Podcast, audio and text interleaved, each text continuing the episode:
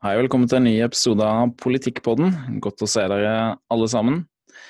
I dag blir det en eh, amerikansk eh, spesialepisode, siden det er mye som har hendt eh, der i det siste. Og det har vært en vanvittig forvrengning i media og en proporsjonalitet som har vært helt, helt ute av vater. Det er det jo selvfølgelig alltid, egentlig, men denne gangen enda verre enn det vanlige ser, til og med. Jeg bare tenkte Vi vil begynne episoden med å si at uh, vi støtter fremdeles uh, Trump her på denne kanalen. her, Og vi mener fremdeles Trump har gjort en god jobb. Jeg ser nå at uh, folk, mange hopper av lasset og sier oi, oi, oi, Trump er helt forferdelig. Til og med Norge i dag. han er vel redaktør i Norge i dag. Han Bjarte Ytstebø skrev en veldig kritisk artikkel om Donald Trump ved navn som han kalte han kalte Trump-bevegelsen er død. Og selvfølgelig Selbekk, var kanskje ikke så overraskende heller, Dagen-redaktør, er jo veldig, veldig kritisk til, eh, til eh, Trump. I USA så har du jo mange, mange som prøver å ta avstand, republikanere og sånn. Men jeg skal gå inn på hva som skjedde 6.1, og på hvilken måte det har blitt forvrengt av media tatt helt ut av proporsjoner. Men uh, først tenkte vi skulle begynne med positivt, og snakke positivt om uh, Trump. Så har du lyst til å si litt om uh, Trumps mange bragder, Jonas? Mange, ja, det... mange, ja, mange, altså mange ting han har Positive ting han har oppnådd jo... i løpet av sitt presidentskap. Det er mange ting som, som kan sies der. Da. Og det første jeg vil si, at det er jo at det støtter jo Trump, men det vi vil egentlig støtte aller mest, er vel egentlig konservative til, uh, uh, politikk og, og, og, verdier. Uavhengig om det er en, en god person som har god konken. Uh, I dette tilfellet så, så var jo Trump da, i Amerika den som var, var den beste representasjonen av en god konservativ politikk. Og hva innebærer den politikken? Det er mye som kan nevnes. Men uh, det første kan vi kanskje at det var ytringsfriheten. Altså, mye av den radikale venstresida har flytta eh, partiet lenger til venstre, og de står faktisk i stor grad ikke lenger for ytringsfriheten. Og Trump har vært virkelig en, en berikelse for ytringsfriheten, uansett hva en skulle mene om Trump personlig og måten han gjør ting på, som da er ikke noe jeg alltid har støtta, så, så, har det vært ekstremt bra for ytringsfriheten at det har kommet en mann inn og, og sprengt sitt, i stykker ting.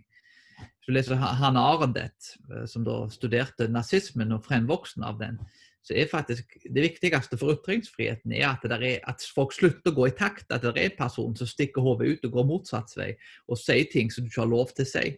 Hvis det er noe som har brøtet politisk korrektheten, så er det Trump. Eh, politikken hans har støtta i forhold til lovverket, religionsfrihet og, og samvittighetsfrihet i forhold til religiøse institusjoner. Det har han vært med å støtte. Så Hvis du er glad i ytringsfrihet, hvis du er glad i religionsfrihet og samvittighetsfrihet, mener jeg, så er det et åpenbart valg da, som står som en klar kontrast da, til Biden, som, som da vil gå inn for å begynne å sensurere og egentlig drepe ytringsfriheten. Noe som er helt tydelig ut ifra de folkene han har valgt ut eh, til, til, til å jobbe for ham. Eh, det andre er jo da abort. Eh, alle konservative, og i alle alle kristne som, som er bibeltro, bør da være imot abort og støtte livet og feire livet. Det å avlive uskyldige barn i mors liv er, er ikke greit under noen som helst omstendigheter. Det tredje vil jo da være ekteskapet det som skjer nå rundt ekteskapet, er jo eh, ting som, som, kan ha dramatiske konsekvenser. Den Equality Act, du kommer vel inn på det litt senere, men, men det er jo en, en eh, noe, noe, som kan da komme inn i, i, i amerikansk politikk. Så vil da gjøre at... Du kan ta det opp nå, vi har ikke planlagt å ta det opp senere, så bare ta, forklare hva det er for noe nå. Ja, så Equality Act, og dette var jo blitt foreslått av Hillary Clinton nå, kan du si. og Eh, det er jo da en, en, eh, en lov da, som, måte, som, kan bli innført, eh, som gjør da at LGBTQ altså homofili da, og, og transgenderism og, og lesbiske homofile og alle disse grupperingene da, vil da gå, bli inkludert i lovverket og, og, å, være på en måte imot disse gruppene, da, eller altså ikke selge kaker til dem, ikke levere bryllup til dem og, og, den type ting. Kanskje ikke gifte dem i, i en kirke. Vil da være en handling som kan bli sammenlignbar. Ikke være imot folka, men imot livsstilen til Ja, imot, ja mot, mot, mot, mot handlingen. Og at de ikke vil da delta i, i, altså, i handlingen. da. Det vil være likestilt med rasisme. Så det vil bli inkludert da, så, som at en da faktisk Det er nesten som at en, en, en med en annen hudfarge da vil komme inn og kjøpe en kake av deg, så, så sier du nei. Eh, dette handler jo ikke om at i forhold til kakesalg, sånn, så handler det om da, om du vil da ha homofile flagg på kake, om dekorasjonene på kake. Det er jo åpenbart at de fleste bakerne selger kaker til hvem som helst. Ja, Det handler jo ikke om hvem de vil selge til, da. Det er jo viktig å si. Men det handler om, om, om, om, hva slags type kaker de vil lage. Frihet til å si nei ja, til å lage en kake med et, eh, med et pride-flagg på det ble som en jøde som ble spurt om han kan nynazister komme inn med bakeri, en jødisk baker. Og så sier nynazisten at vil ha, ha svastika på kaka. Og det er vel helt rett, vil jeg si, av en jøde da sier nei, det, det, vil jeg ikke. Eller en kristen da som blir bedt om å lage en kake med, med djevelen sitt fjes på. Men nei, det, det er kanskje ikke så oppbyggelig og oppmuntrende for Eller en muslim da lager en kake med en gris på. Så det er jo mange religiøse grupperinger som blir påvirka av dette.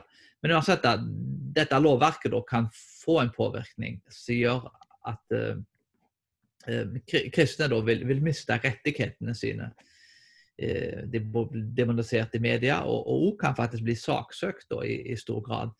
Uh, og at de kan ikke fungere på en måte i offentlige roller, faktisk, og, og, drive forretninger på samme måte som før. To eksempler.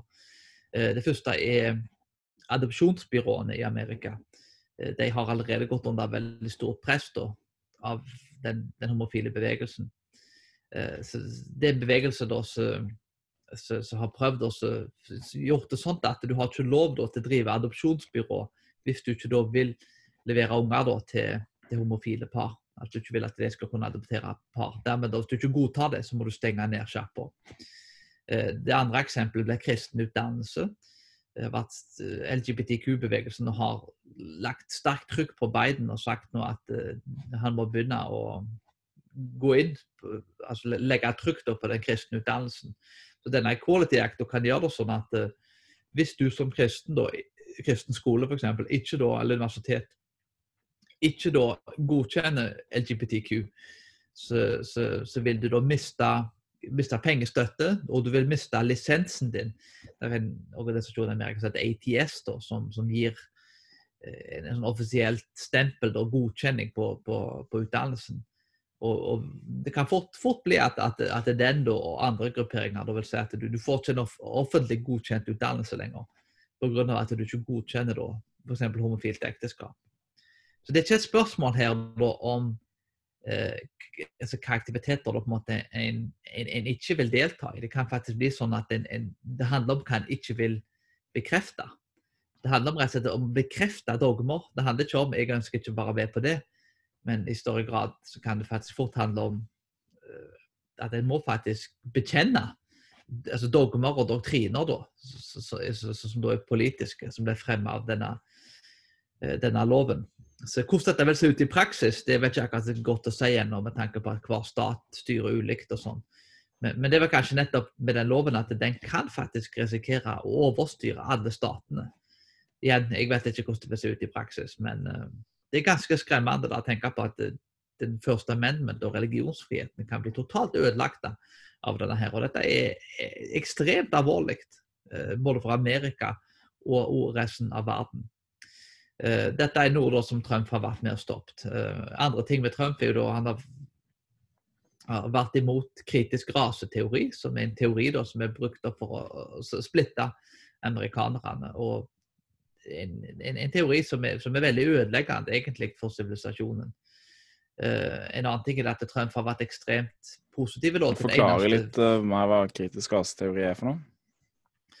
Uh, kritisk raseteori da er eh, Ja, det er jo omfattende, ikke enkelt å forklare det på, på, en kort, på, en, på en kort måte.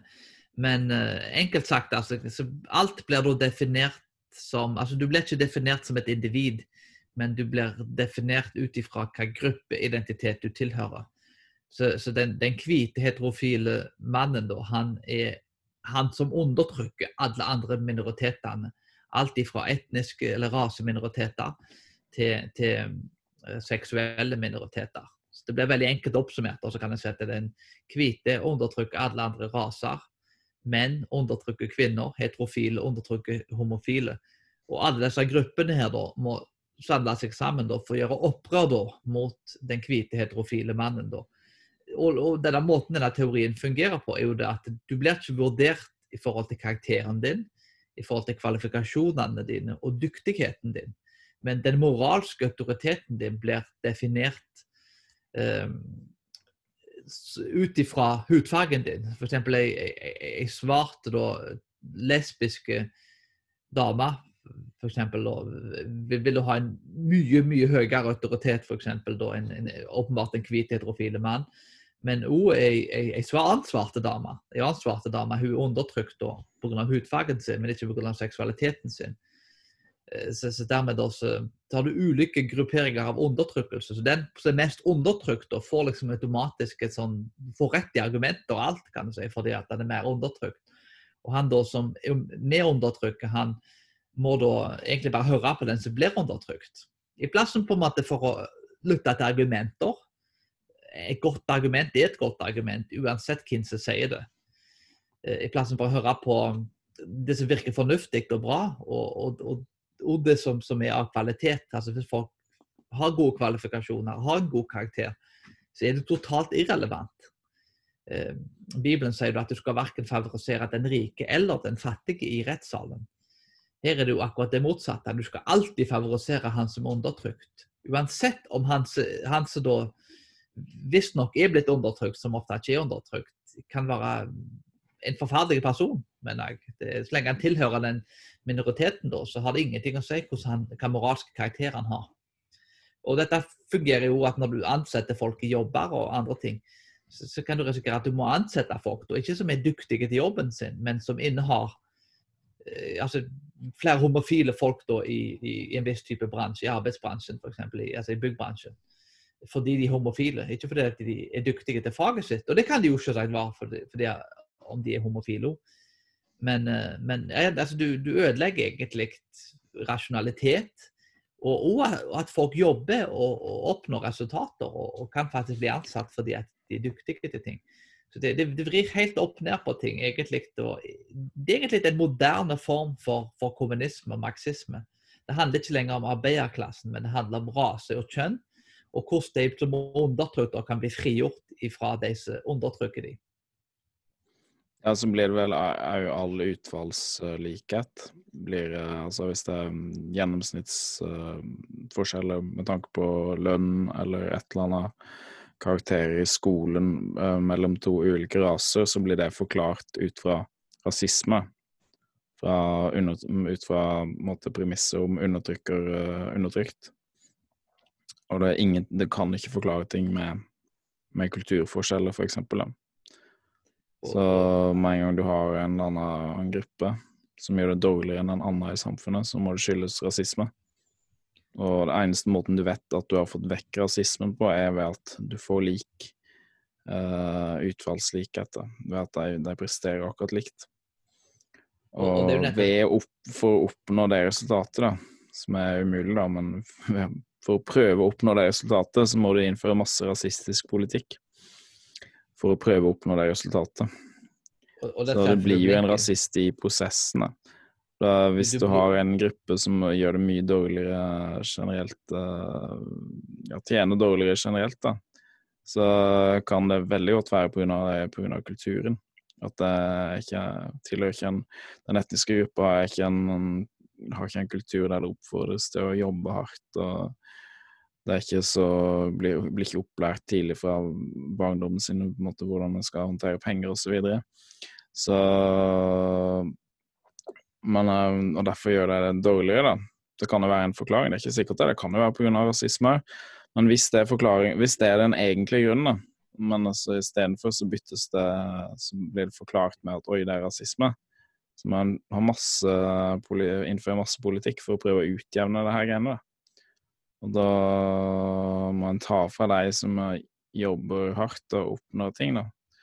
Der man tar penger fra, og så gi til andre mennesker som jobber mye mye dårlig, eller som muligens, så det er jo et tenkt eksempel, da, som jobber mye mindre.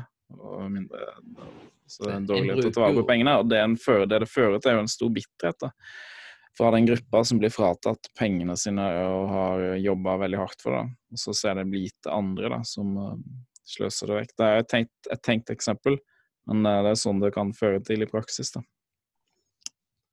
Og det er jo dette En bruker da rasisme for å bli kvitt rasisme. Altså En bruker ild for å bli kvitt ild. Og det er jo bruker synd for å bli kvitt synd. kan du si. Og dermed også, Det kan ikke fungere. Det, en, en, må jo ha vann for å slukke ild. Og, og, i plassen da for å løfte folk som da ikke oppnår samme resultatene, eller jobbe for å få det opp til de samme resultatene, eh, så, så vil en heller på en måte kreve lavere resultater av alle. da. Og det, det, det, er jo en løsning da, som, vil ødelegge produksjon og, og egentlig utvikling og eh, teknologiske nyvinninger og andre ting i, i, framtid for oss alle. Det var et, et eksempel i militæret, f.eks. Da en som sa at det var de, damer bare kunne ikke ta så mange pullups som mannfolk. Og dermed da måtte de sette standarder mye lavere, da, sånn at alle nå i plassen for f.eks. 15 pullups, jeg vet ikke hvor mange det var, men så tar du sju i plassen. Eh, dermed da, måtte mannfolk og damer ta sju, sånn at de kunne få flere damer da, inn i militæret. Og Det er jo åpenbart at et, et militære mener jeg da, som, som da får mye dårligere kvalifiserte folk. Er dette folk som skal forsvare oss? Det, det er jo ikke bra for noen. jeg. Det er jo ikke bra å ha folk som, som er dårligere kvalifisert og mindre utegnet til å gjøre jobben i plassen da, for å jobbe hardt hvis de damene oppnår de resultatene og klarer 15 pullups, så, så, ja, hvis de kan levere samme varene da, som en mann militæret, så er de jo selvsagt velkommen. Da, men det må jo være en standard når du er ute i kamp, mener jeg. Så, så er det ingen som bryr seg mener jeg, om, om, om kritisk raseteori, mener jeg. Hvis du er spesielt i krig mot andre land og sånt, mener jeg. Og Da er det mener jeg, ganske brutale folk mener jeg, du treffer. Så, og Da må du være temmelig forberedt hvis du skal ha lavere standard, mener jeg, så, så får han jo et mye svakere militær enn for et land som ikke kan forsvare seg skikkelig. Da, og vil lett bli inntatt av ytre fiender. Det er et eksempel på hvordan det faktisk har ganske fatale konsekvenser for oss alle da, på, et praktisk nivå. Men, eh, men eh, den, en annen ting med, med, med, Trump da utenom det, var jo det israelspolitikken hans. og Kanskje utenrikspolitikken, det kan kanskje du si litt om. Men, men uh, han har jo vært den mest kanskje den mest israelsvennlige politikeren Amerika har hatt vel siden kanskje Truman i 1948. Uh, så Israelspolitikken og israelsvennligheten da er jo altså, Støtten da det eneste frie demokratiet i Midtøsten er jo en veldig stor og viktig bidrag av Trump. da, som, som ambassaden bl.a. flytta til Israel, som mange hadde lovt å gjøre før han, men som ikke gjorde da. Og, økonomien til Trump, kanskje det aller viktigste, er jo nettopp det at uh, Trump har hatt en veldig god økonomi og har fått stor støtte da, blant minoriteter nettopp pga. det, blant svarte, hispanics og andre. Økonomien under Trump var kanonbra. Det var til og med noe venstresida innrømte. Så, så, når du ser på politikken til Trump, da, som er vanlige, klassiske konservative politikk, så har det vært alt i alt en, en veldig god politikk. Uh, igjen, karakteren til Trump for språkbruken hans er, ikke noe jeg støtter. Men, uh, og kanskje jeg burde brukt mindre tid på Twitter. Uh, igjen, Han er ikke perfekt person på noen som helst måte. og altså Moralsk men så er det ting du kan kritisere han for. Men, men igjen, når det kommer til en politiker En, en, en stemmer ikke på en pastor, en stemmer på en politiker. Uh, og dermed også, så må en se først og fremst på politikken, til tross for det moralske er jo ikke viktig det òg. Eh, politikken til Trump har vært veldig god, alt i alt. Og Ikke fordi at det er Trump sin politikk, men fordi det er konservative politikk. Og det er noe alle bør støtte. Fordi at det er politikk som fungerer for alle. Ja, så Du nevnte jo utenrikspolitikken hans, men jeg mener den har vært eh, et av de sterkeste punktene hans. Altså, det har vært vanvittig god. Det har vært en, en ja, eksplosjon er kanskje en overdrivelse, men jeg sier det allikevel, for det høres kult ut. En eksplosjon av fred i Midtøsten, med fredsavtaler mellom Israel og Bahrain, Israel og De forente arabiske emiratene, Israel og Sudan, Israel og Marokko, og mellom Serbia og Kosovo i det gamle Jugoslavia. Så det har vært vanvittig bra å få til ting der som ingen andre har fått til. Uh, økonomien, som du nevnte, om at en har Kina-politikk, og Kina er et meget, meget ondskapsfullt eh, regime som må konfronteres. Og Trump er den eneste politikeren i Vesten som har virkelig tort å konfrontere Kina. Ikke nok, mener jeg, men iallfall konfrontert deg betydelig mer enn andre vestlige politikere. Så et uh, avisinnlegg i den britiske avisa The Independent, skrevet av en uigur-kvinne, den uh, muslimske minoriteten som blir forferdelig undertrykt i Kina, ofte sendt på omskoleringsleirer osv. Der hun skrev at uh, nå som Trump ikke lenger er president, hvem skal kjempe for oss nå? Og skrev liksom skrev med frykt av hva som skjer nå, nå som Biden kommer til å bli president. Han uh, kommer ikke til å kjempe for oss. Uh, det var jo ble vist um, altså Etterretningstjenesten i USA sa i for, forkant av valget at Biden var favorittkandidaten til Kina. Åpenbart. Og jeg skal ikke gå inn på det, men uh, hans sønn Hunter Biden og uh, antageligvis Joe Biden har har svært uh, lugubre forbindelser til Kina. Så det, det lå ikke bra, den retningen USA kommer til å ta tanke på Kina under Biden. Men uh, under Trump så har det vært en veldig god retning. Uh, videre så har det hatt innsettelse av konservative dommere. Masse konservative dommere på, på lavere nivå, og inkludert tre høyesterettsdommere. Og du har hatt uh, Trump har bygd mur. Det er vel 450 miles, som jeg så nå sist. Jeg vet ikke hvor mye det blir i kilometer. Kanskje det blir noe sånn ja, 750 eller et eller annet. 750 kilometer med mur. Så det har fått bygd mye mur. Så kunne gjerne fått bygd enda mer, men murer er bra. Murer virker. Og stansa masse ulovlig innvandring. Fått uh, delvis iallfall kontroll på den ulovlige innvandringen til USA, som særlig skader uh, minoritetene i USA, særlig svarte i USA, tar skade av det. Det er ingenting, ingenting uh, skal jeg si Uh, ingen, det er en veldig, veldig lite sosial politikk for det svakeste samfunnet å være pro uh, masseinnvandring, pro ulovlig innvandring. Da stjeler jobbene til deg i samfunnet som allerede har minst, og som trenger deg de, uh, de jobbene som er uh, ufaglærte jobbene, da, som de ulovlige migrantene stjeler, og uh, er villige til å ta for en enda mindre penger enn det de um, amerikanske statsborgerne er villige til å ta de jobbene for. Uh, videre så har det en, en, en, en, en pro-liv-politikk, en, altså en anti-abort-politikk, som har vært veldig bra. Det er ikke så mye du kan gjøre som Amerikas president, men han har Iallfall har han vært med på denne um, The March for Life som eneste president noensinne som har vært der fysisk til stede og talt på The March for Life i Washington DC, som er en årlig, uh, årlig demonstrasjon der, som blir holdt av uh, folk som er pro liv. Um, Ronald Reagan talte der via telefon en gang, men det er det eneste. Donald Trump er den eneste som har vært der fysisk til stede og talt. Avskaffa såkalte Mexico-policyen, som sa handla om at uh, USA Nei, unnskyld, han er ikke avskaffa den, men han innsatte den, Mexico Policy, som er en policy der uh, myndighetene i USA nekter å gi støtte, eller da bistand, til organisasjoner som jobber for, for uh, fri abort i uh.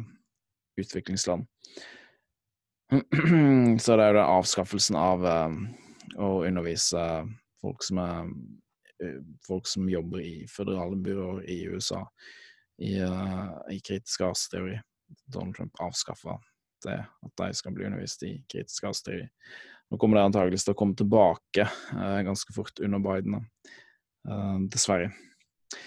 Så Trump har gjort en fantastisk jobb som president, og veldig synd nå at han forlater, forlater Det hvite hus.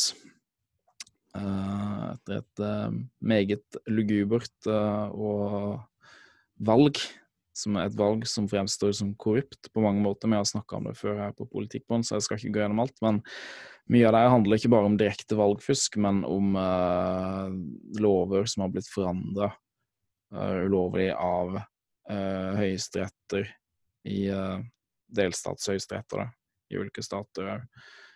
Som, er ulov, som de ikke har noen autoritet til å gjøre. Så jeg skal ikke gå gjennom det akkurat nå, da. Men vi kan hoppe videre til 6. januar, for det er det folk tenker på hele tida. 6. januar. Trump holdt en forferdelig tale.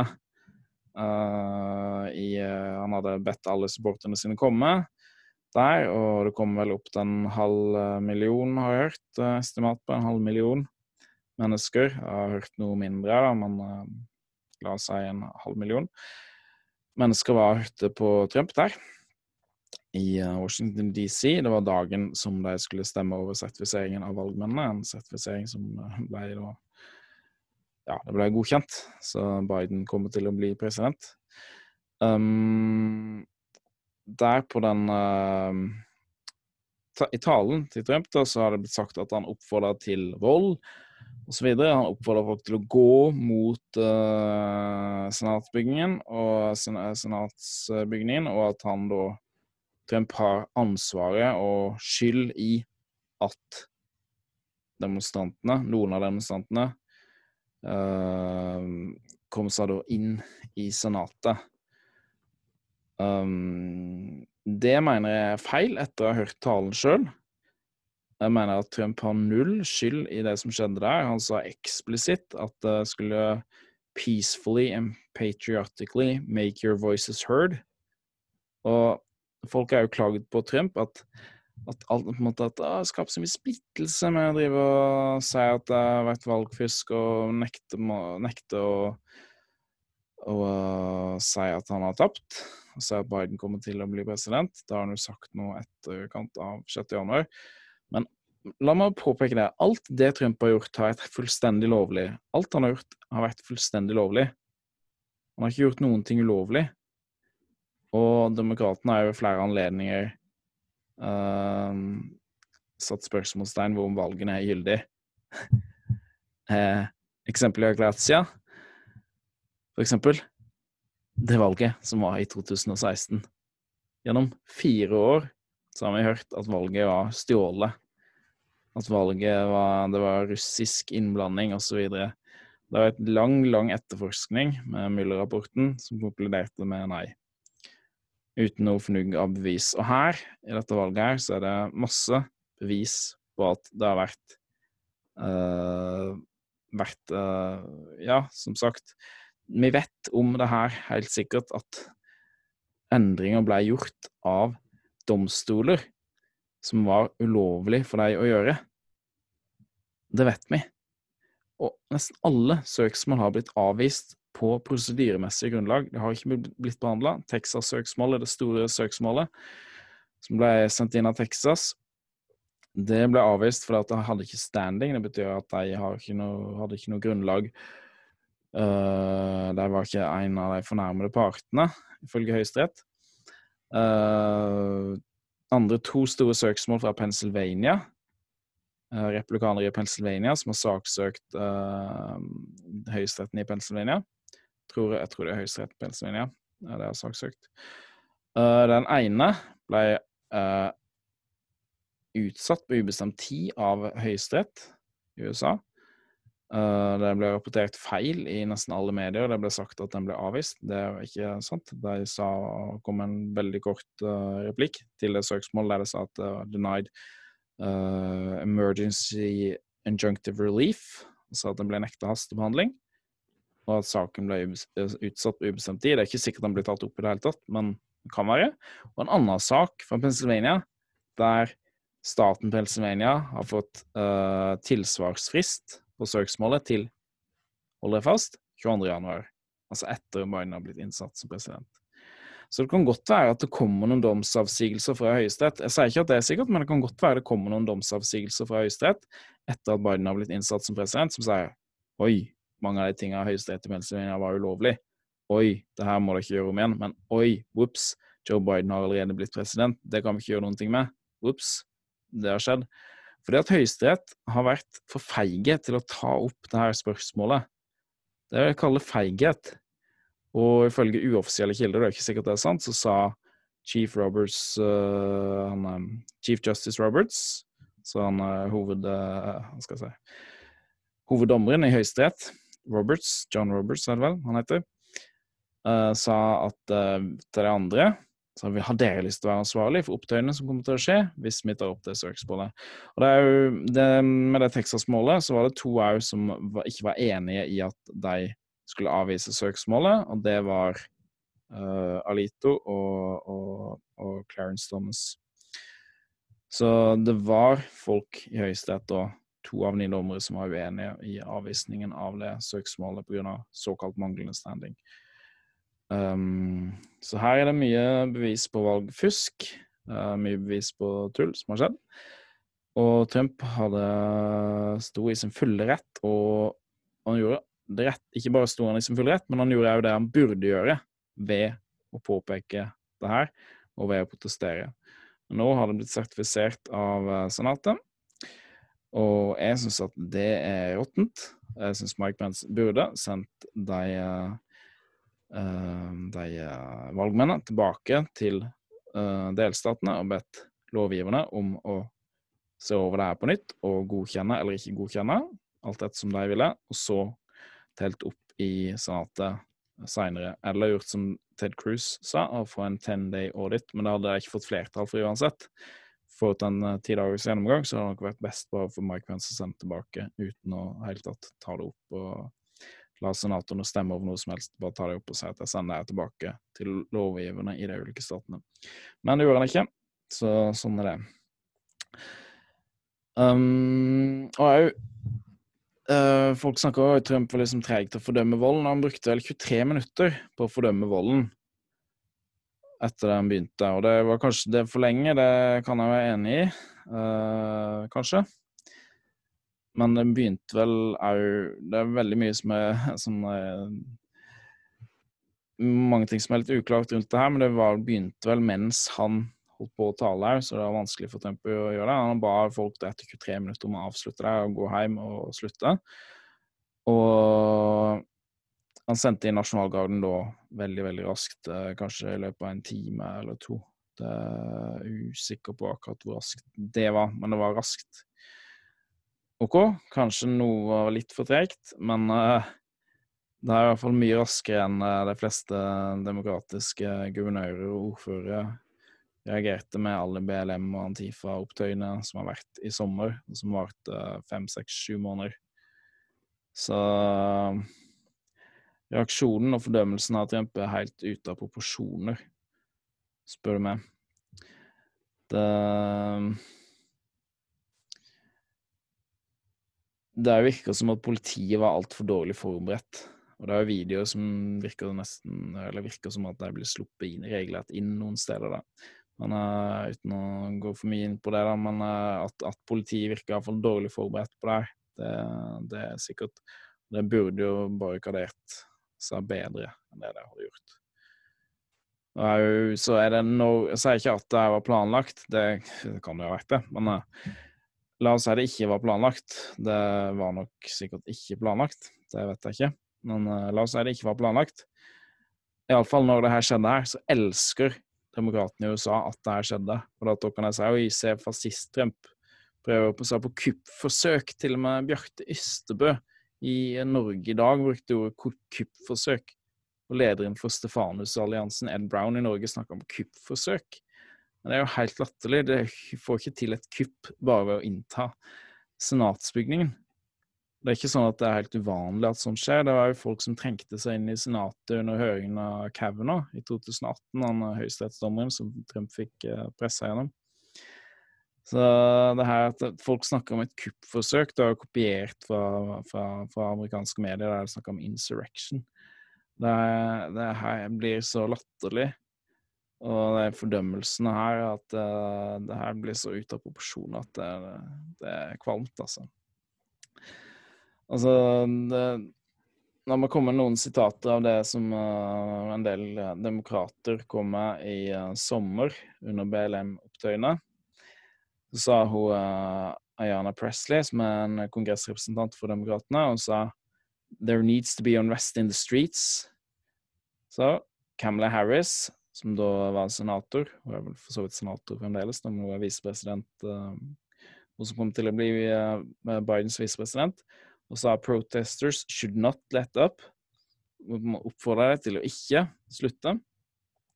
Maxine Waters, jeg husker ikke helt ordrett sitatet, men hun sa altså, hvis dere ser noen uh, republikanere et sted på restaurant, bensinstasjon, så form, form en gruppe med mennesker.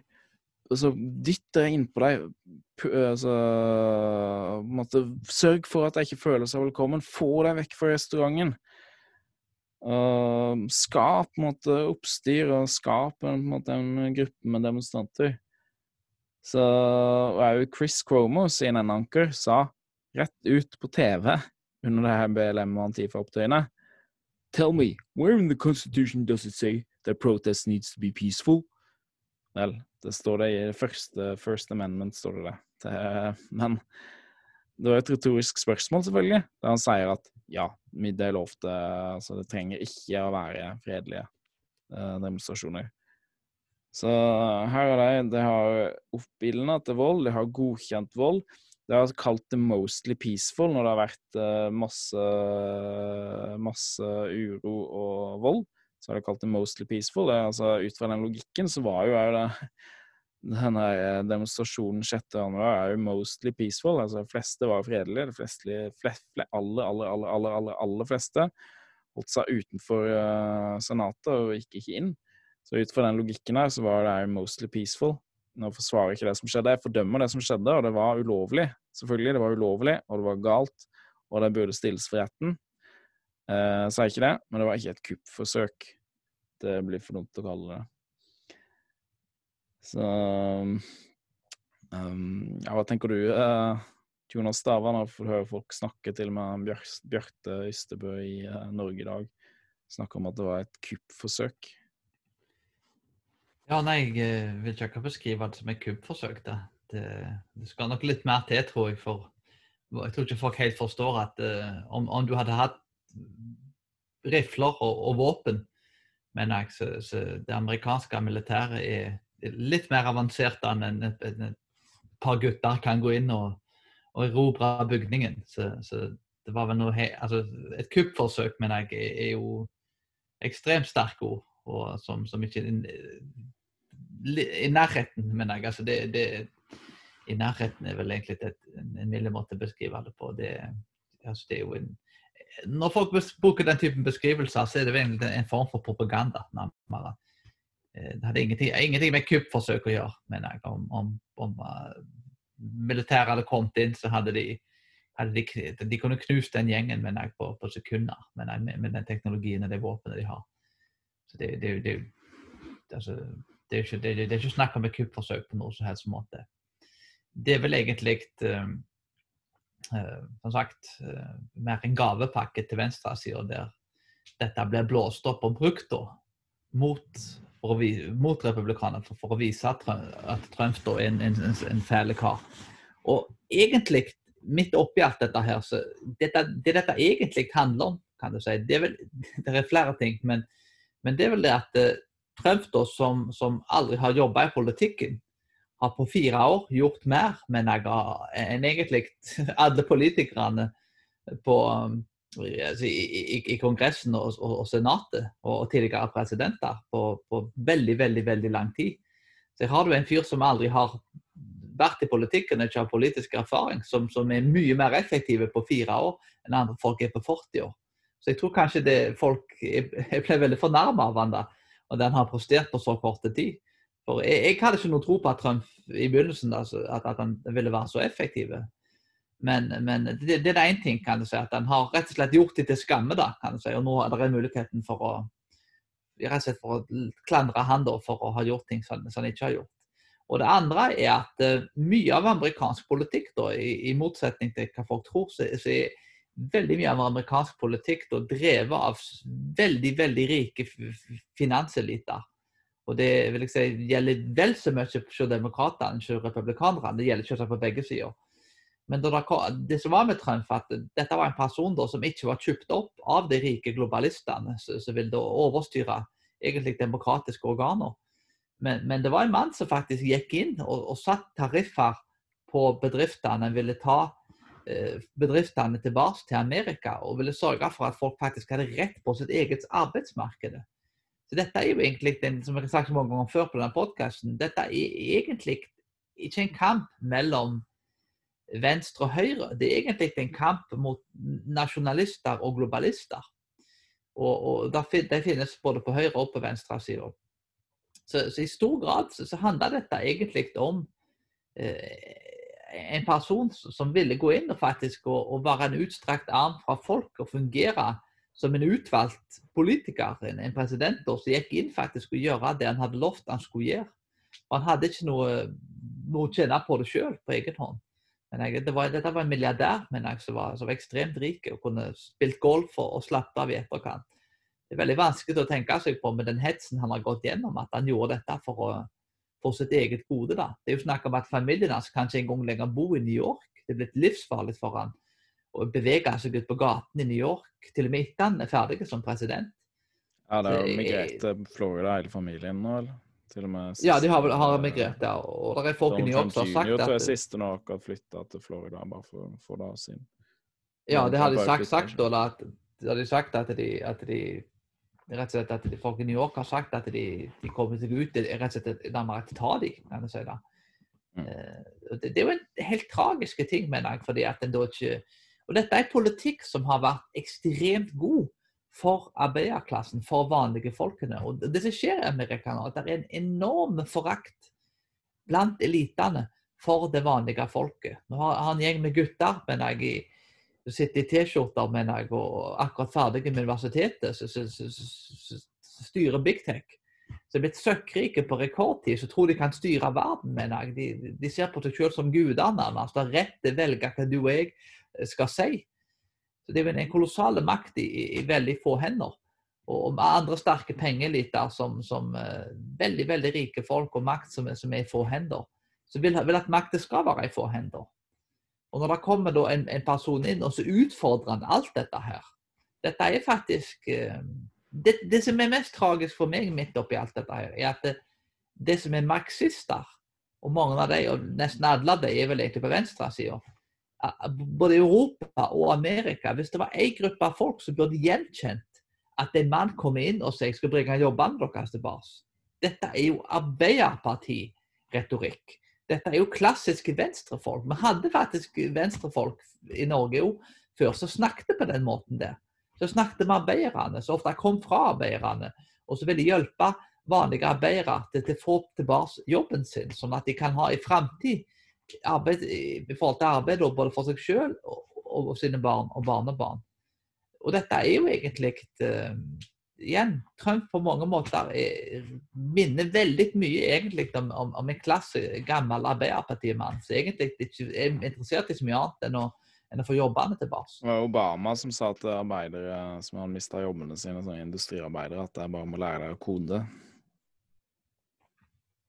Ja, det, det, er jo en Og det har du igjen den, den, den forakten da for for, for, for den, vanlige, altså den, vanlige, mannen. Og, og hos demokratene så, så, så, var det jo altså Andrew Yang da, han, han, var en av de få folkene, kanskje den eneste hos demokratene, som faktisk forsto nettopp det at dette handler jo Du Hør på Andrew Yang, da, som er dem, demokrat, med faktisk en, en, en taiwansk bakgrunn. og eh, Veldig dyktige karer som, som, jeg faktisk hadde stor respekt for. Det var ting jeg var uenige med. Men, men, men han sier jo akkurat det samme. kan du si. Det var jobbene det var jobbene som forsvinner. Det er masse omveltninger. Mye teknologi. Eh, du blir outsourcet av innvandring bedriftene blir flytta til andre land. Og jo, teknologien utvikler seg, så en del jobber forsvinner jo automatisk pga. det. og nettopp pga. det da, så, mener mange at en ikke bør ha masseinnvandring og den type ting. Med tanke på arbeidsmarkedet, at det vil ikke være så stort behov en gang i framtiden for, for, så mange arbeidere. Og dette går utover minoriteter, først og fremst. Det går nettopp utover de da, som folk påstår at de har lyst til å hjelpe. Så igjen, økonomi her er, Jeg er ikke en marxist, men, men den følger pengene og økonomien. Så finner en beklageligvis veldig mange av svarene som, som er tilgjengelige. Altså California er jo på en måte et utstillingsvindu på, på hva demokratene vil ha. da. Hva den fører til politikken som de vil ha. Det er, det er 25% av befolkningen er født i utlandet, eller jeg tror det er ca. det, i California. Og der du har nå middelklassen, den migrerer jo vekk i hopetall. De eneste med igjen er de superrike eh, og de superfattige, som ikke kommer seg av flekken. Og er superrike, superrike har det jo veldig godt. De stemmer jo for fremdeles demokratisk, som de alltid har gjort, for de er sosialt liberale. Hollywood-folk og, og, big tech-folk og folk som overhodet ikke lever noe tradisjonell livsstil med tanke på uh, familie, seksualitet osv., som selvfølgelig vil stemme på sosialliberale uh, politikere, som da er Det demokratiske parti. Og så har du uh, de superfattige, som stemmer på de som sier til deg at det vil gi deg mest penger, og som vil gi deg flest måte, gratis ting, og som sier til deg at de bryr seg mest om deg. Og det, det, det, når du er superfattig, så du har ofte ikke så mange Du er veldig veldig fattig, du har ikke så mange ressurser. Du hører på demokratiske politikere si at vi skal gi deg på en måte gratis ditt, gratis datt. Og så hører du noen replikanere som sier at oi, vi skal, uh, vi skal sørge, for, sørge for, uh, for, at jeg skal få mulighet til å få jobb, og sørge for at uh, det er jobber til dere. Sørge for å få mindre ulovlig innvandring, sånn at det blir mindre konkurranse om de jobbene som dere kan få, osv. Så, videre. så blir det på en måte bare tørt og og vanskelig å måte, helt relatere seg til. Det høres ut som måte, bare svaner.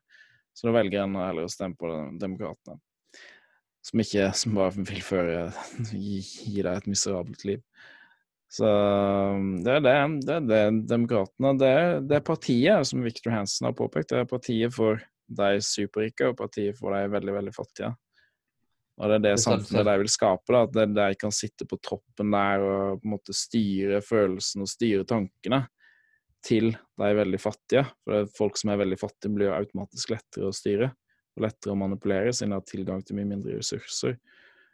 Så, men hvis du har en sterk middelklasse i et land, så får du en mye mer selvstendig befolkning som kan tenke sjøl. Det er ikke så lett å styre deg akkurat den retningen du vil. Og det, det, her, jeg, det tror jeg det her handler om til syvende og sist, det er at det er folk som er maktsyke, og som vil prøve å skape et samfunn der de kan styre det akkurat sånn som de vil. Sånn er det med de big tech-tyrannene som sitter der og bestemmer seg for å sensurere folk uh, over en lav sko og helt inkonsekvent sensur av folk. Og, de, og de, de, rike jo, kan du si, de, de bor jo i California, og der er jo egne øyer nærmest for rike egne områder. Så, så det er enormt mye politi. Enormt mye sikkerhet, kan du si. Altså, igjen, jeg bodde jo i Amerika sjøl. Masse murer og gjerder. Ja, masse mu murer. jeg, vil ikke, altså, jeg, noe, ikke ha noe mur eller mur på grensa, men rundt sine egne eiendommer og hus, der er det fint med murer. Ikke slipp noen inn. Ja da, det, det, det, det er ikke Man får bygge ned murene. så De kan begynne med, med sine egne hus. Skal pa, Pave nå, da, Francis, sa at de måtte bygge ned murer. og Rundt Vatikanet da, så er det en kjempediger mur som har vært i Italia. I Roma så er det en gigantisk mur. Så selv sitter han omringet av en diger mur, men andre må bygge ned sine murer. Det, det, det er så frekt. og altså, så, det, det, Politikerne og, og de som sier den type ting, er, det, er, det, er helt utrolig da, at folk faktisk ikke, ikke klarer å legge sammen to pluss to. Og det som skjer med California òg, at det er jo og Generelt sett i USA, jeg bodde jo i Philadelphia, jeg bodde jo i et, et universitetsbyen, kan det sies, og det var det jo mye mer politi. Du måtte ikke gå langt, langt vekk i byen på en måte før du fant de fattige områdene. Da. Mye mindre politi, mye mindre sikkerhetsvakter. Igjen, hvis det var mye penger og mye midler, og det måtte det være da i universitetsbyen, for det er veldig mange internasjonale, veldig rike studenter som, som er der, og for at det skal bli trygt for de som Bodde du i det området, da, mener jeg, så, så var det jo altså igjen, Du fikk veldig mange goder da, som andre ikke hadde. De gode skolene med mye ressurser de er ofte i områder der det er mye penger. Der. Så hvis du, I Amerika spesielt, og det er jo ikke så, sånn i Norge i samme grad, men i Amerika så er det sånn at hvis du bor i et godt område da, med, mye penger, så, så, får du altså Det som å bo i en, en, nesten en privat landsby der du har ti ganger mer enn andre folk. da. Det, det, det, er nesten helt utrolig. Og du trenger ikke flytte alle så langt vekk eller faktisk i byen før du begynner å se helt andre sosiale tilstander. Og Du nevnte med California òg. California er jo ødelagt. kan jeg treffer jo masse folk i Amerika. og altså, De får flytte fra California. Staten er ødelagt. Det er ikke noe framtid for entreprenører og for middelklassefolk i California. De flytter til Texas, de flytter til sørstatene. Traff mange, alt fra svarte til de hvite til asiatere. Taxisjåfører, alt mulig, alle mulige folk de flyttet til sørstatene. Det var det dere anbefalte å flytte til nå, fordi skattene er lave. Altså folk er mye bedre humør. Finere vær, skal du si. Det, folk er mye lykkeligere i sørstatene. Det er vel noe som folk flest anerkjenner. Været i California er vel utrolig bra. Det er vel den beste delen med det. At du har veldig varmt, ja, ja, varmt, varmt, varmt, Det er veldig varmt og deilig der. Og så i tillegg så har du veldig tørr luft. Så det blir ikke sånn klam og sånn. Det har jeg hørt. Jeg har ikke vært i USA. Ja, nå, nå, nå, I sørstatene, sørstatene så varm, er det varmt, men det er veldig høy luftfuktighet, så du blir veldig klam og svetter mye og sånn. Men i California så har du sånn varmt, men med tørr luft. Så det, det, det er sånn beste, best, beste klimaet i hele USA. Da. Så det er jo, det er jo det, det, sånn ut fra bilder har hørt folk si, så er jo California sånn klimamessig og landskapsmessig det vakreste og beste stedet å være i USA, eller et av de beste iallfall. Ja, absolutt. Med tanke på klima.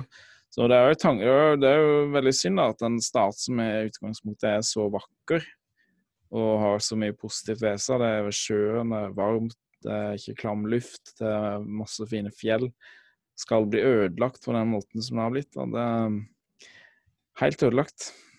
Ja, det, det er helt, helt tragisk. Altså, Kona mi er jo fra California. så hun, hun var jo vokste jo opp der si, i nærheten av LA. Og, og som sagt, jeg kjørte gjennom store deler av California. og Det, det, det, det er en stat. altså Nydelig. Rett og slett helt kjøre langs kysten der. Det er en nydelig tur og veldig mye god mat, mye kjekke folk. og Værmessig så er det jo sagt, det er vel kanskje bare Hawaii som kan, kan slå California, tror jeg, for forhold til vær. Men det, det, ja, det, det, er tragisk. Det er virkelig tragisk. Det, er ikke noe annet å si om det. altså. Men du ser en, en trend, altså demokratisk styrte byer. da. Det, det, alle byene som er styrt av demokratene. Nesten alle. Jeg, listen jeg har lest, lister faktisk omtrent alle. da. Eh, de byene da, som folk flytter vekk fra, er alle styrt av demokrater. De byene som folk flytter til, og plassene som folk flytter til, er styrt av republikanere. Så, så det er jo en åpenbar trend. Jeg, jeg så akkurat den lista. Det var alle de ti byene i USA som har, slit, har mest fraflytting, er styrt av demokrater. Og alle de by, ti byene som folk flest uh, flytter, eller som opplever størst befolkningsvekst pga. tilflytting, de ligger i, dem, i, republikanske stater. Men alle de er ikke republikanske byer. Det, det er jo typisk at uh, at uh, folk i byer stemmer mer demokratisk, og folk på bygda stemmer mer republikansk. Men det ligger iallfall i Det var en blanding av republikanske og demokratiske byer, da, der som folk flytta til. Men alle by, men de var alle i republikanske stater. Ja, absolutt. Og det, og det, det Nei, det, og det viser jo på en måte det, Denne politikken fungerer jo, mener jeg. Og det, hvis folk har brukt litt tid på å sette seg inn i økonomi, altså høye skatter, høye utgifter mener jeg, og et stort statsapparat, mener jeg, er jo ikke ting som er med å drive ting til, til altså, Du får ikke økonomisk fremgang med de tingene. Det er jo åpenbart at en må ha noe skatter, og, og, men altså, det må jo være en viss form for fordeling og den type ting. Men folk må huske på at Amerika er et land som, som er veldig desentralisert. Veldig stort, like stort som, som større hele, hele, hele Europa og, og veldig flerfoldig, kan du si. Det, det, går nesten ikke an å altså den, den, velferdsstaten som vi har i Skandinavia, den, etter min mening så er den umulig å få til da, i Amerika. Eh, Iallfall ekstremt vanskelig å få til, mener jeg, med tanke på at det er så mye indre spenninger. Og, og kulturen i Amerika er veldig ulike, avhengig av hva gruppe du, du, treffer på, hva stat du er i. Så Det er jo nesten som en hel haug med land, små land så, som, som, som, henger sammen. Så det, det, det, det, er et helt annet type land enn en, en Norge. da. Og, men den politikken da, som, som konservative har, med, med, med, lave skatter, eh, satsing på, på, gode familieverdier en opprettholdelse av menneskeverdet, og støtte da, av ytringsfriheten og andre ting, nå, som nå faktisk beklageligvis nå er blitt ting som, som, som demokratene har flytta seg vekk fra. Det klassisk liberale demokratene er, er beklageligvis folk som, som, ikke har like stor innflytelse som de burde hatt det er mye av, av det ytre venstre faktisk som er i ferd med å overta partiet. Kulturmarxister og eller, hva en ønsker å kalle dem, identitetspolitikere. Eller. Mm. Og dette er, ikke, dette er ikke bra for, for, for, for, Amerika, det er ikke bra for framtiden til noen av oss. da. Det, det er én ting vi har lært av, av, alle former for marxisme de siste hundre årene, er at de, det er én ting de er ekstremt gode på, det er å ødelegge økonomier. Og det blir en form for likhet, kan du si. det At alle blir like fattige. Unntatt da den marxistiske eliten, da, som, som blir ekstremt rike. Mm. Jeg ser ikke noe, at, det, at det, det blir noe unntak, mener jeg, hvis de får gjennomslag på, på den typen politikk som, som, som, som, det virker til, som, Biden kan, kan være med fremme. Jeg skal bare dele skjermen. Jeg kom litt sånn jeg kom litt uh, ut av på vidden her. Jeg tenker vi skal begynne med å se litt på den Bjarte Ystebø sin uh, kommentar her. Trump-bevegelsen er død etter den, det såkalte kuppforsøket, som han kaller det, 6. januar. Um, ja, han sier at det satte spikeren i kisten for Donald Trumps politiske bevegelse er feil. Uh, ifølge Rasmussen uh, sine meningsmålinger så steig Trumps approval rating etter uh, denne stormingen av Senatet. Og igjen, det som skjedde var ulovlig, det var forferdelig. De burde tiltales og straffes, de som gjorde det her. Det var fire mennesker som ble drept. Ei dame som ble skutt av politiet. da har ikke fått vite omstendighetene, men hun var ubevæpna. Uh, en politimann som ble drept. Uh, jeg vet ikke helt omstendighetene rundt det, men helt forferdelig at det skjedde. Og to stykker som døde av medisinske årsaker, hjerteinfarkt, et eller annet som egentlig uh, ikke relatert til det som skjedde. Jeg, har sett noen steder at det var fem stykker som døde, men jeg er litt usikker på om det var fire eller fem. Men i alle fall, det han skriver her, da um, Ja, her skriver han at han, altså Trump, bærer et ansvar fordi han har utfordret og undergravet de demokratiske institusjonene ved å skape et inntrykk, ved å skape et inntrykk mot bedre vitende om at dette valget ble stjålet gjennom juks. Det er Altså, det er mye som tyder på det. Veldig mye som tyder på det. Så han har helt rett i å si det. Trump burde etter å ha argumentert, etterforsket og ført for domstolen anklagen om valgjuks, erkjent nederlaget og oppfordret til en fredelig maktovergang. Han har, alt, han har, aldri sagt at han ikke ville ha fredelig maktovergang. Han har jo ikke snakka om maktovergang overhodet, da. Men uh, han, han, har i stedet gjort det motsatte. Nei, det motsatte har han ikke gjort, det er feil. Han har i stedet sagt at han tror det har vært fusk og at uh, derfor har han protestert mot valgresultatet. Helt, helt lovlig. Ingenting ulovlig ved det. Det hele ligner på et kuppforsøk.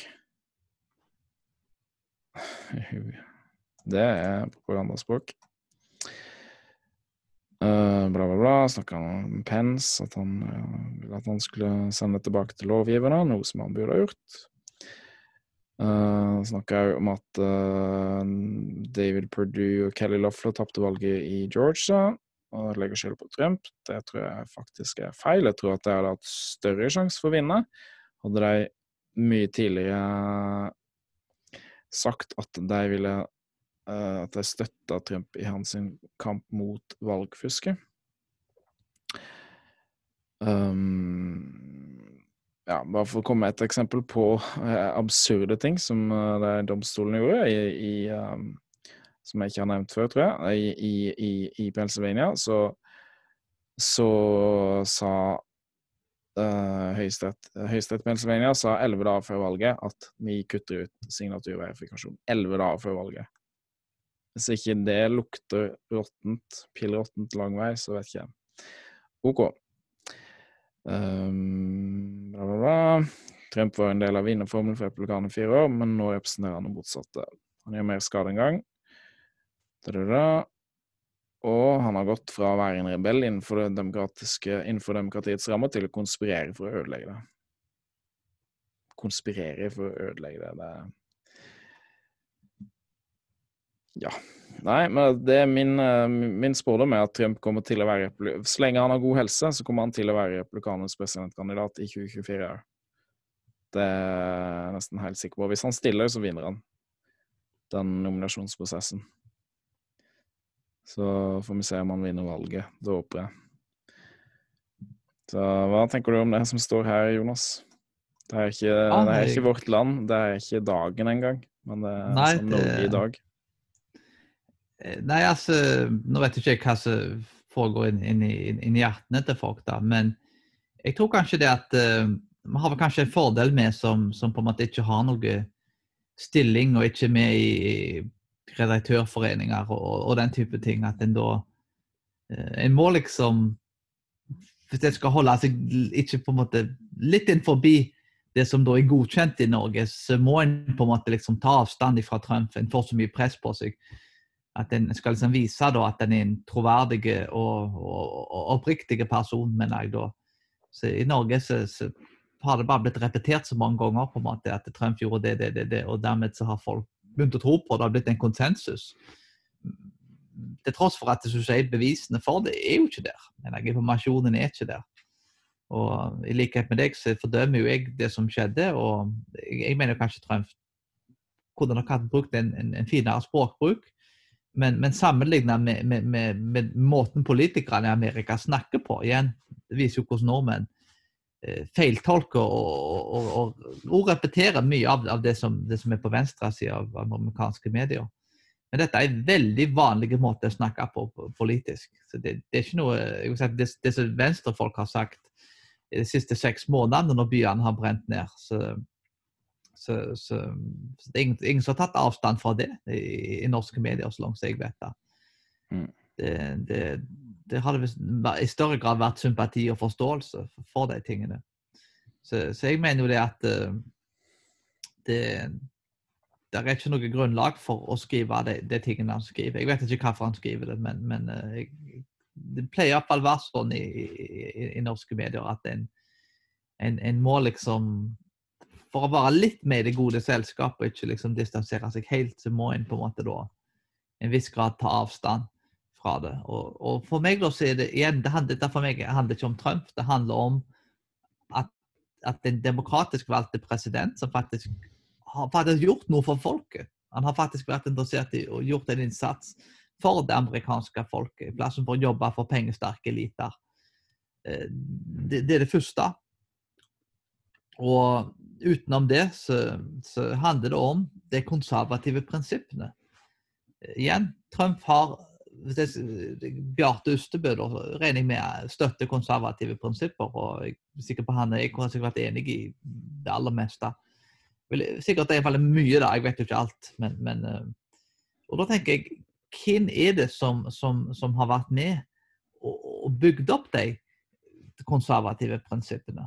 Og Trump har gjort en bedre jobb med, med å fremme de verdiene og prinsippene som Bjarte Ustebø og jeg står for, mer enn en, en, en, hva helt siden det måtte Ronald Reagan for å finne noe som har vært like effektive. Så, så, så, da tenker jeg eh, altså Trump da slutta å støtte de prinsippene. Um, jeg, jeg, klarer ikke helt å se det, men, men for meg så er det, er det de konservative verdiene og, og prinsippene som teller. Og igjen, Hvis jeg skal kritisere Trump for noe her, så er jo en, en moralsk og konservativ ting da, er, er jo kanskje det han, han, kunne nok formulert seg annerledes generelt sett. da, Og hatt en annen språkbruk så, som ikke alltid er forenlig med, med, med verken det du finner i Bibelen, eller, eller det som er, en del av en, en konservativ språkbruk. Eh, så det, det, er kanskje ting som jeg kan kritisere Trump for. Da, så at Det har han ikke levd opp da, til, til, den standarden som kanskje andre politikere hadde levd opp til. Um, men, uh, men, utenom det, da, så, så, så, så, vil jeg si at politikken som er det viktigste for en politiker, den, den har vært veldig god. Og som du nevner, han, han har nok en god sjanse å vinne i 2024. Og det er kanskje derfor de vil impeache han. En av hovedgrunnene da er at de vil impeache han, er nettopp det at de vil sørge for at han ikke kan stille til valg igjen i framtida.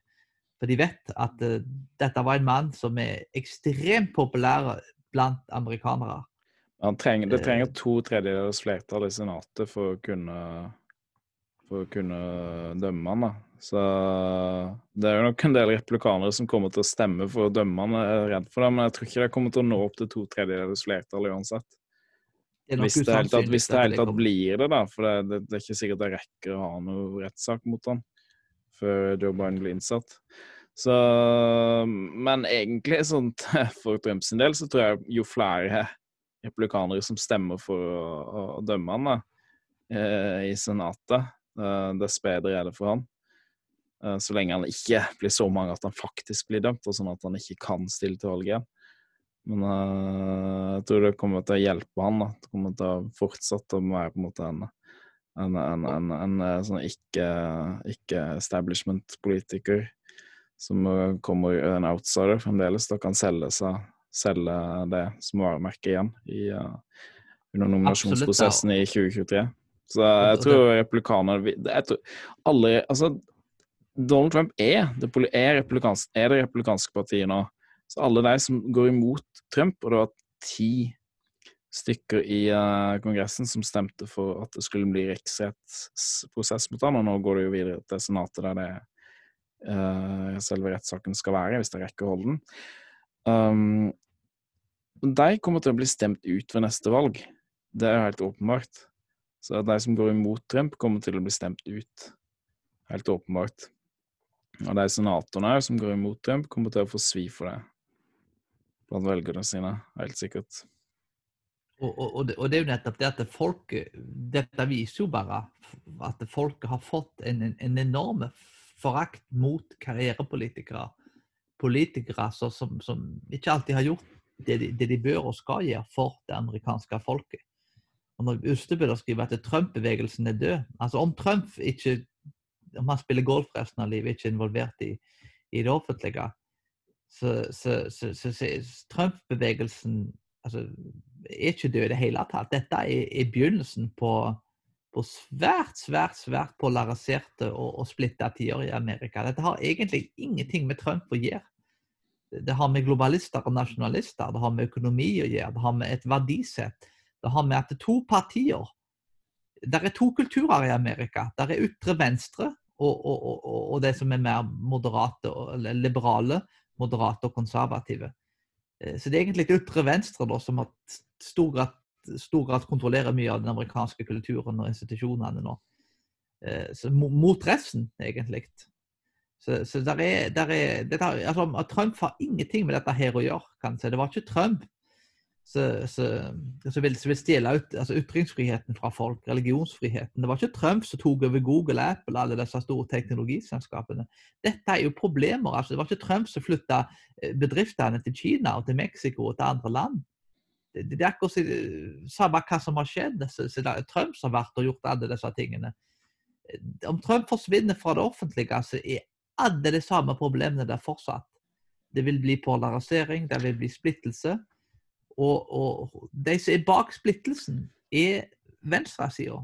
Trump har, har, ikke vært noen forenende president, kanskje i den graden som han burde ha vært. Og har også vært mer splittende, etter min mening, enn han burde vært. Men igjen, det er ikke sammenlignbart med kritisk raseteori. som er konstruert for å sette folk i grupper og sette folk opp imot hverandre, sånn at elitene kan kolonisere dem.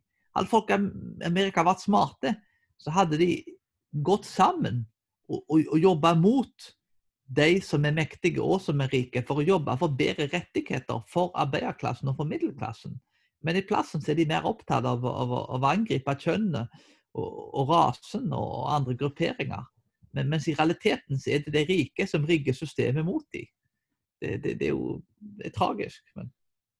Mm. Så igjen, Trump-bevegelsen er ikke død. Det er akkurat begynt, vil jeg si. Det, det, Jeg er helt enig med at, at, Trump, at Trump har ved, ved, sin person og måte å snakke på vært en, en uh, splittende person. Det er splittende president. Mer splittende Eller han kunne vært mindre splittende, for å si det sånn. Han burde vært mindre splittende. Men, men han har iallfall gjort noe med problemene som har skapt den store splittelsen i USA. Og de som har skjønt at han har gjort noe med det, det er ikke alle som har skjønt det.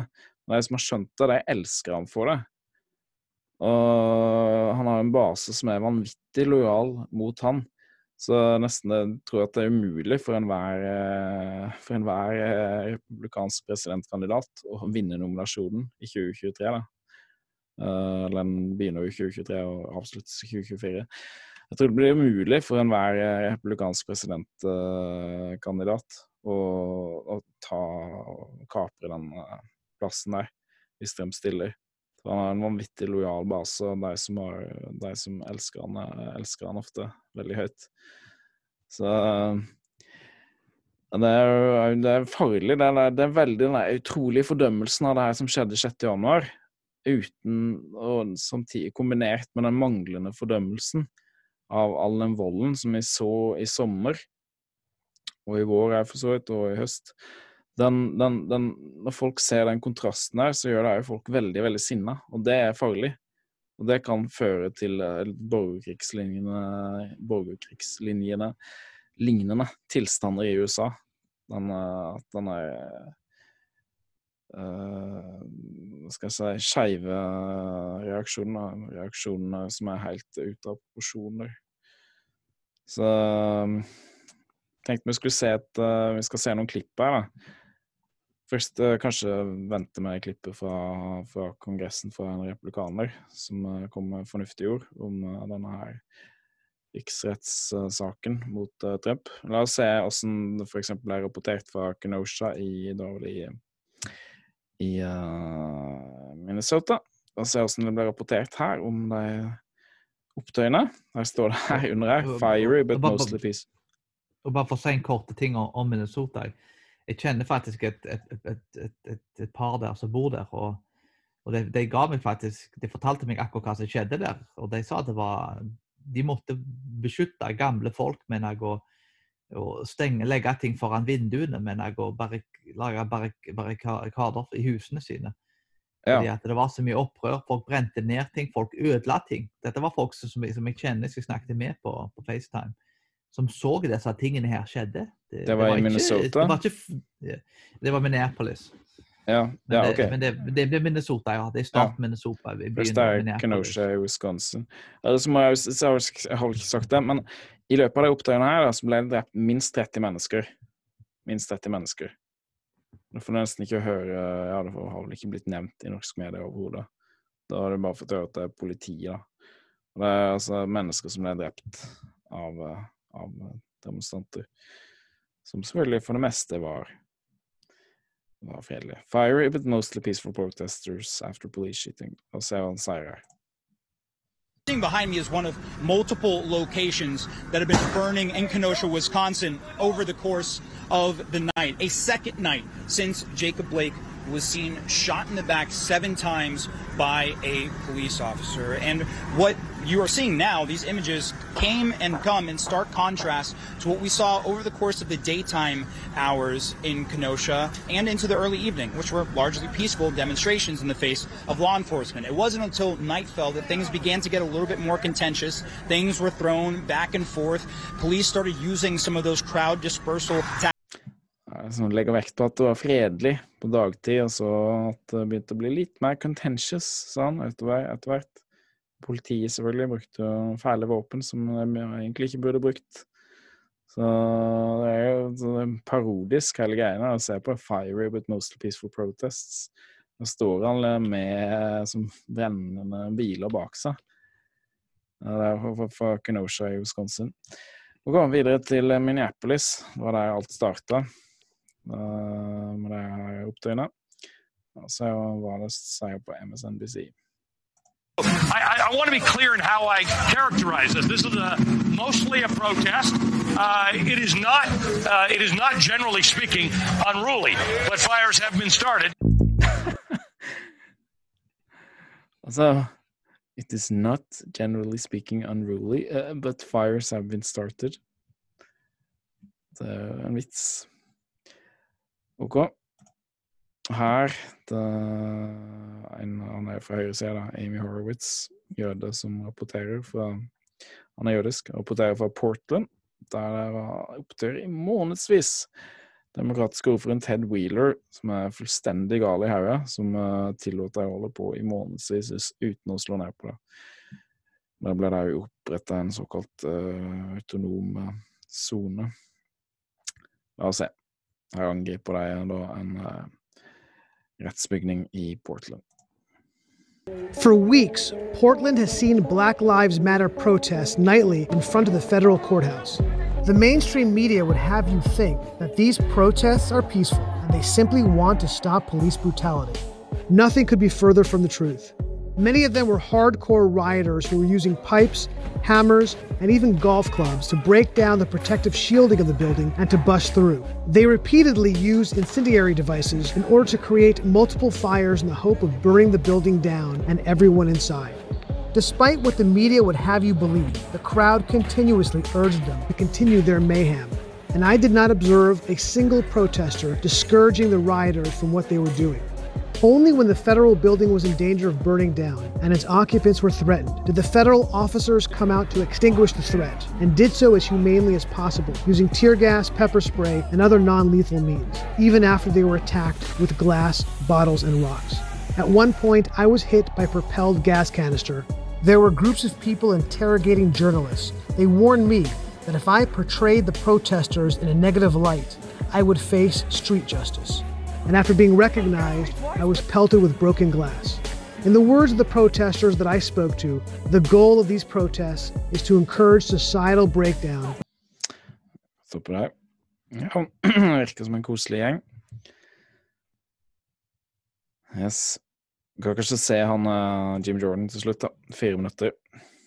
Hva han sier om uh, hele alt det tullballet. Uh, Madam Speaker, I yield myself uh, such time as I may consume. The gentleman's recognized. Ma thank you, Madam Speaker. 19 minutes.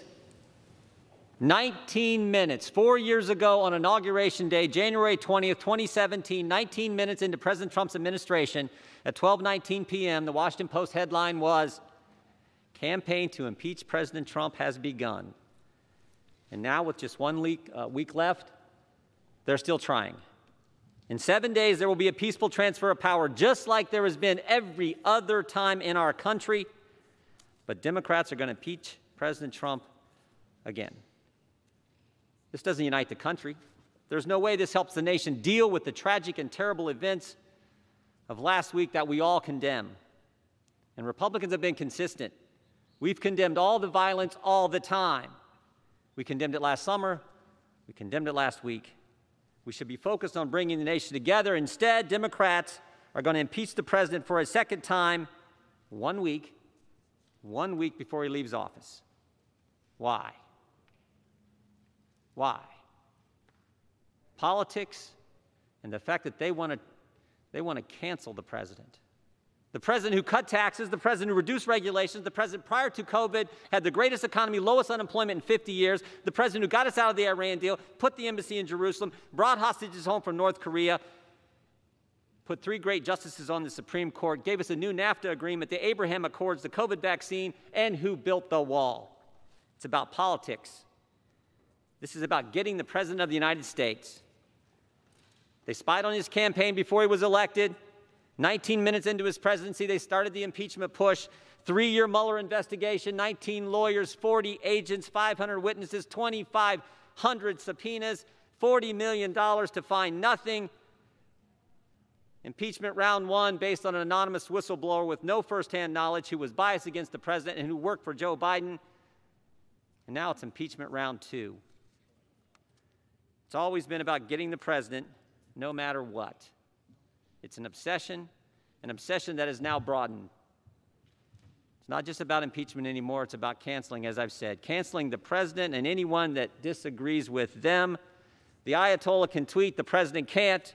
Democrats can object on January 6, 2017, but Republicans aren't allowed to object on January 6, 2021. Democrats say Antifa is a myth. Republicans condemn all violence all the time. The double standard has to stop. And frankly, the attack on the First Amendment has to stop. And stop and think about it. Do you have a functioning First Amendment when the cancel culture only allows one side to talk?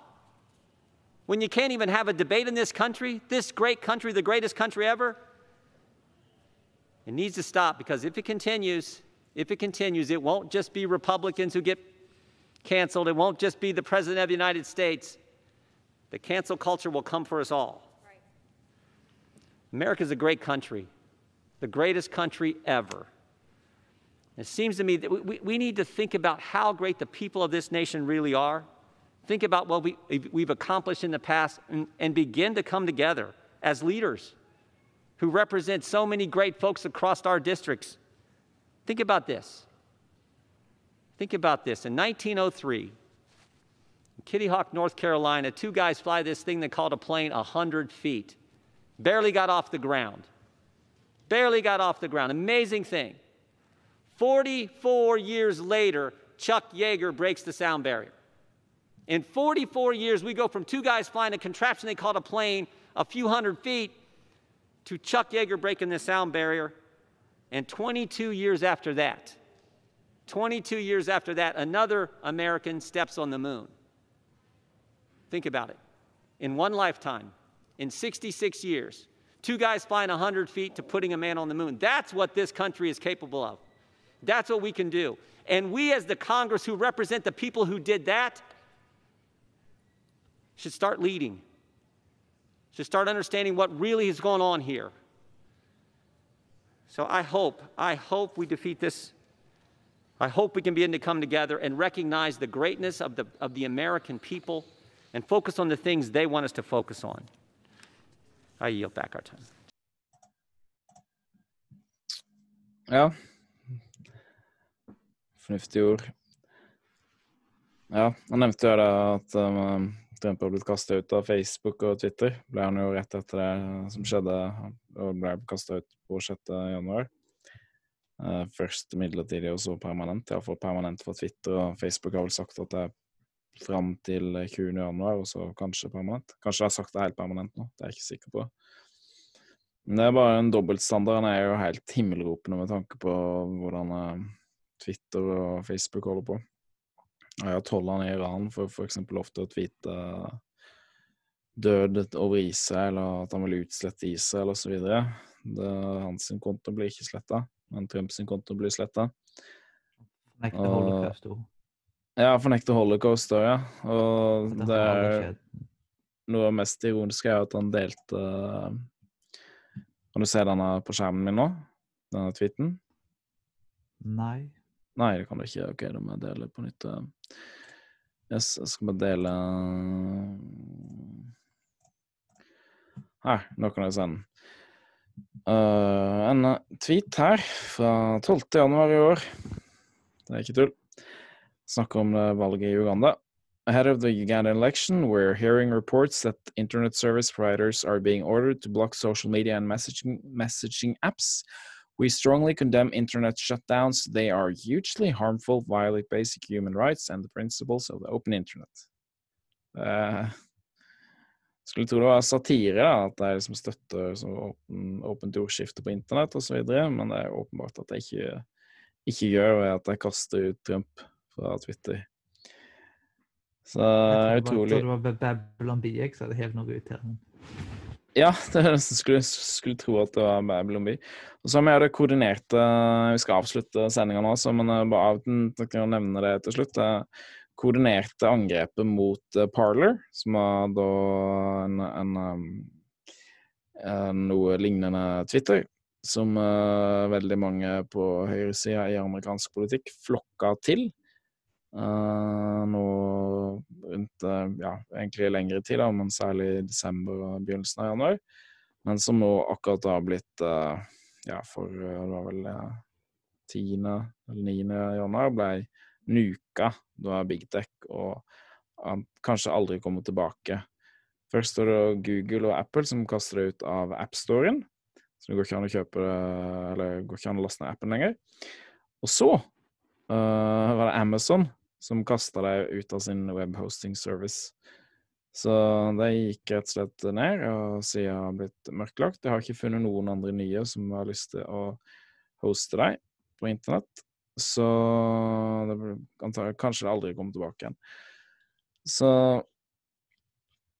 ja, det, det, har rett og slett virka som det Det kan være det kommer tilbake, da, det er jo ikke sikkert. Men um, det kan være det har hatt suksess ved å ødelegge Parlor helt, som har veldig vokste veldig raskt. Blitt veldig raskt. Så nå er det jo uh, Alternativene nå er jo Miwi og Gab.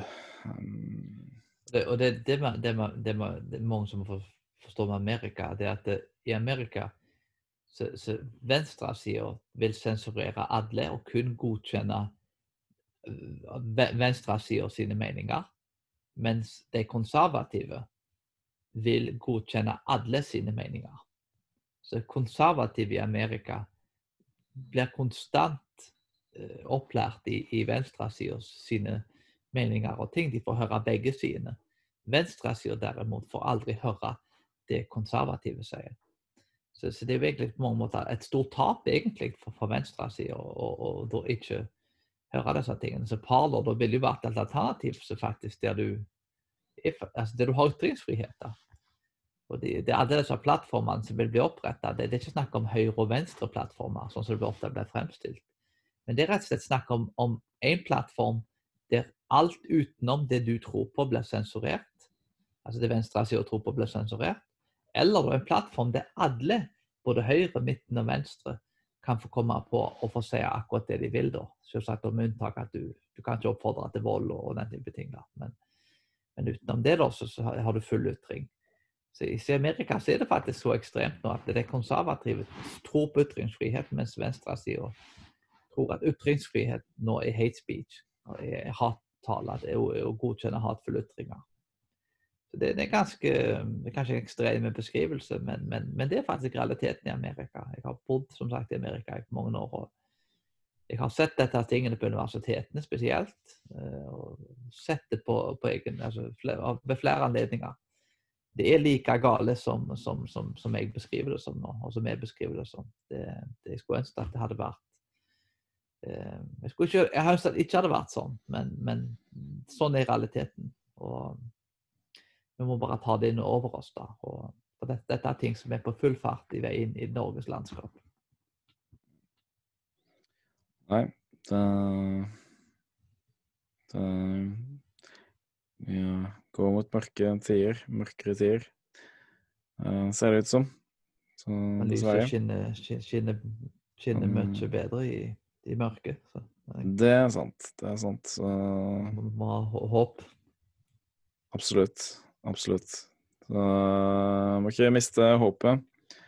Så det er jo politikk vi driver med her, og først og fremst snakker om, men vi er jo begge kristne, så det viktigste er, og det er jo å tro på Jesus, rett og slett. Men uh, vi vil òg det politisk beste for, for uh, Norge, for Amerika, for Vesten. Så fortsett å be for, uh, be for Norge, be for Amerika, be for Vesten. Og be om at vår sivilisasjon ikke skal gå dukken. Selv om vi kanskje fortjener det, eller helt sikkert fortjener det tanke på at vi dreper ja, jeg vet ikke et svært høyt antall babyer hvert år i mors liv. Så man fortsett, fortsett å be for Vesten. Yes. Da får vi for dere som tror på Gud, da. Jeg vil at alle skal høre på podkasten her, da. Så det er dere som tror på, dere som tror på Gud, eller kristne, be. Dere som ikke er det, dere får jeg får uh, jobbe for at vi ikke, ikke, går under. Yes, da får vi si takk for at dere har hørt på denne episoden her, og så velkommen tilbake om to uker.